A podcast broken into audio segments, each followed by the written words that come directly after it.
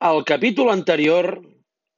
Sí, el Barça ha perdut el, el pols i de ser protagonista, el lideratge, l'autoritat, totes les coses les fa temps.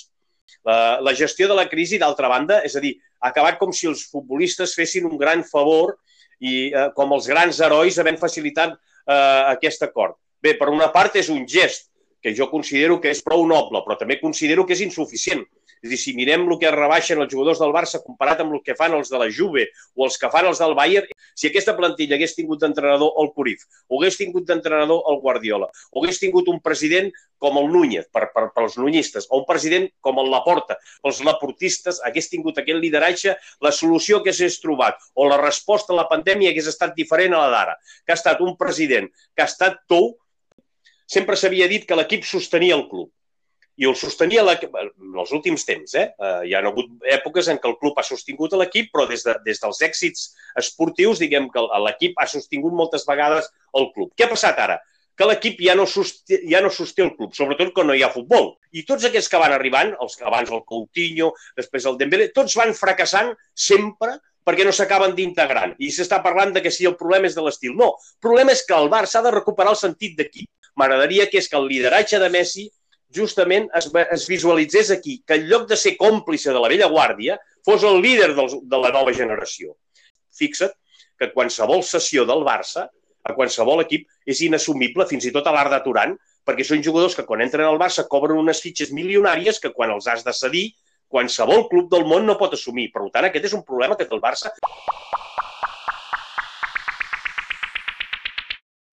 Capítol 6. No hi ha diners ni per Lautaro ni per Neymar. I a vegades encara ens creiem, Ramon, quan ens expliquen que els jugadors venen perdent Ara, diners. Sí, ja us... eh? Aquest és el joc que parlàvem de la indústria futbolística. No? Tothom fa un favor, tothom volia jugar al Barça i tothom està disposat a menjar-se el món fins que després comença a rodar la pilota i no sempre és així.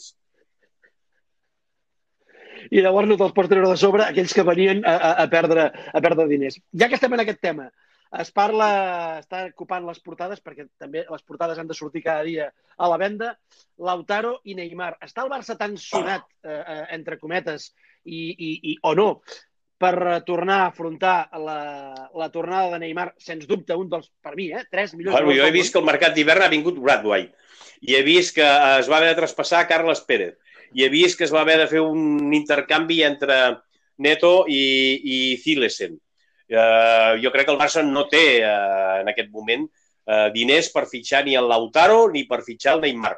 Altra cosa és que amb la nova revisió de comptes, amb el nou pressupost, la nova formulació que eh, provocarà aquesta pandèmia, doncs eh, eh, el nou estat de comptes eh, li permeti justament afrontar alguna d'aquestes operacions.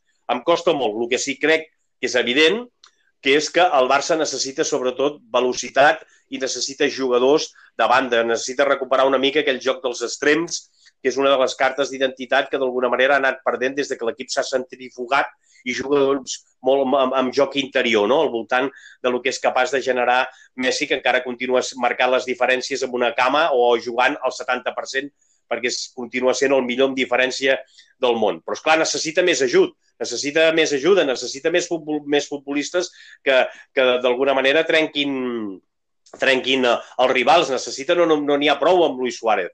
Però jo entenc que en aquest moment el poder adquisitiu del Barça està molt limitat. Ara, no ho sé eh, si s'aconseguirà que la voluntat d'aquests futbolistes, que un i l'altre volen anar al Barça, això sigui un punt a favor perquè puguin venir. Però tots dos em sembla impossible i un ja em sembla molt difícil.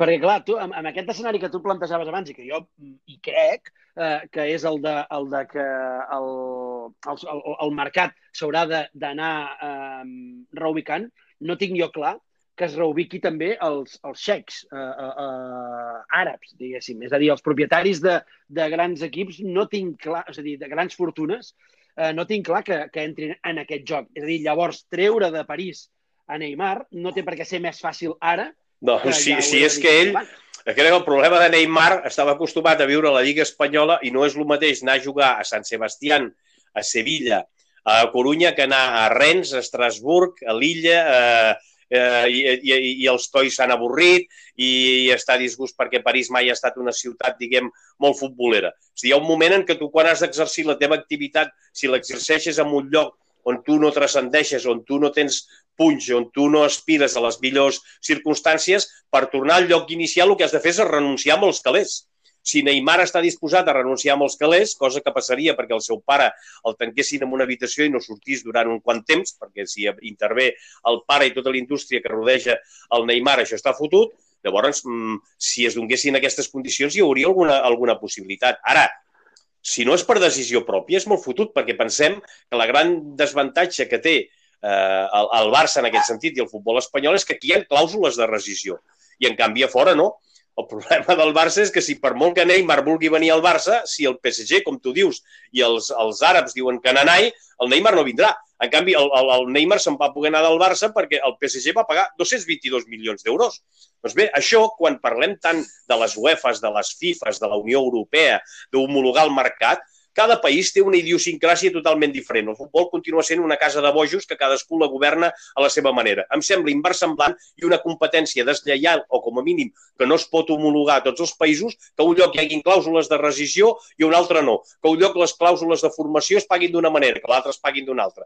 Que ara els jugadors, quan són cadets i 16 anys, ja tinguin uns contractes professionals en alguns llocs que poden pagar com a professionals i amb els altres no. O sigui, com que això no és homologable, qui té més calés és el que més guanya. Per tant, continuarem exposats a que els àrabs, els russos o els nord-americans que volen fotre calés eh, eh, s'hi guanyin la vida perquè hem de tenir en compte que el gran drama del Barça, i la, no el gran drama, el gran drama i la gran virtut és que no és un club per guanyar calés, a diferència del que fan els de la Premier. És un club justament d'oci per disfrutar-lo, no per guanyar-hi calés. No és una societat anònima esportiva, justament és el club dels socis.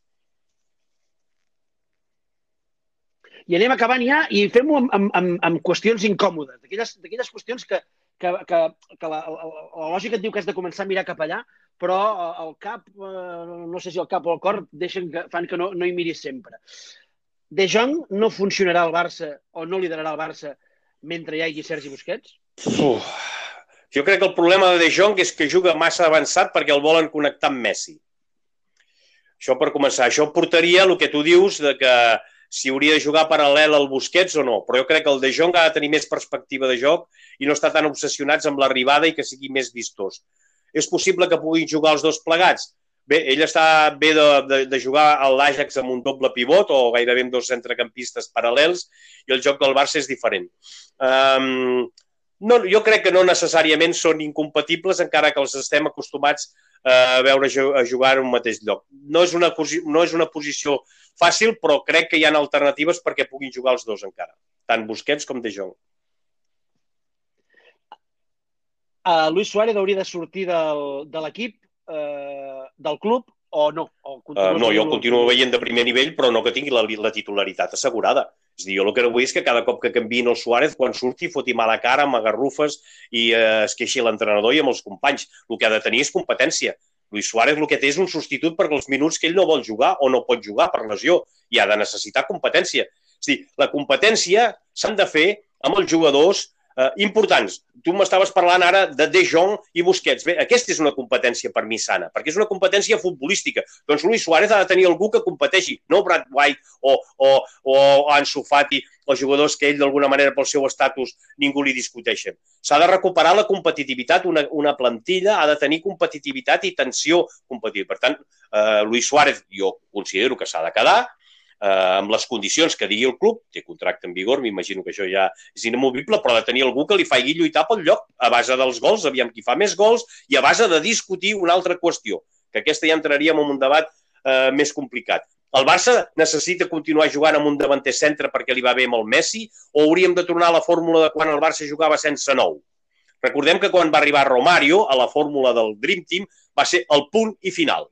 És com tu quan tens una i punt i final Romario. A partir de Romario es havia de tornar a començar tot.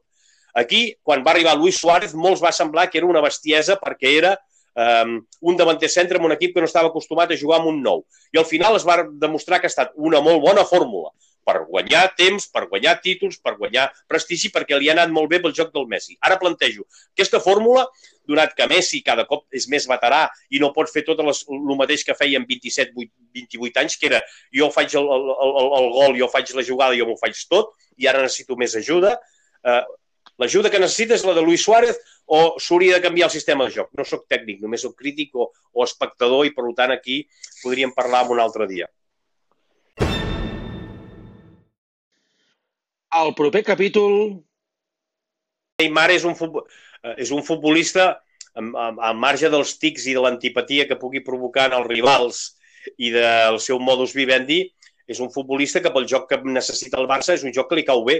Eh, estàvem parlant de bandes, estàvem parlant 1 contra 1, estàvem parlant de velocitat, estàvem parlant d'explosivitat. Ara, jo vull saber si Neymar està disposat a ser el futbolista que substitueixi el tro a, a Messi. El que no pot ser és tornar al Barça costant calés i a sobre vivint del cuento, com es diu. Si ves per un sentit de responsabilitat esportiva i fins i tot baixant-se el sou.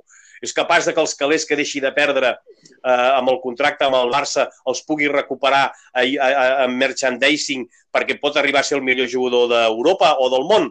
Home, doncs aquesta seria una de les claus de volta.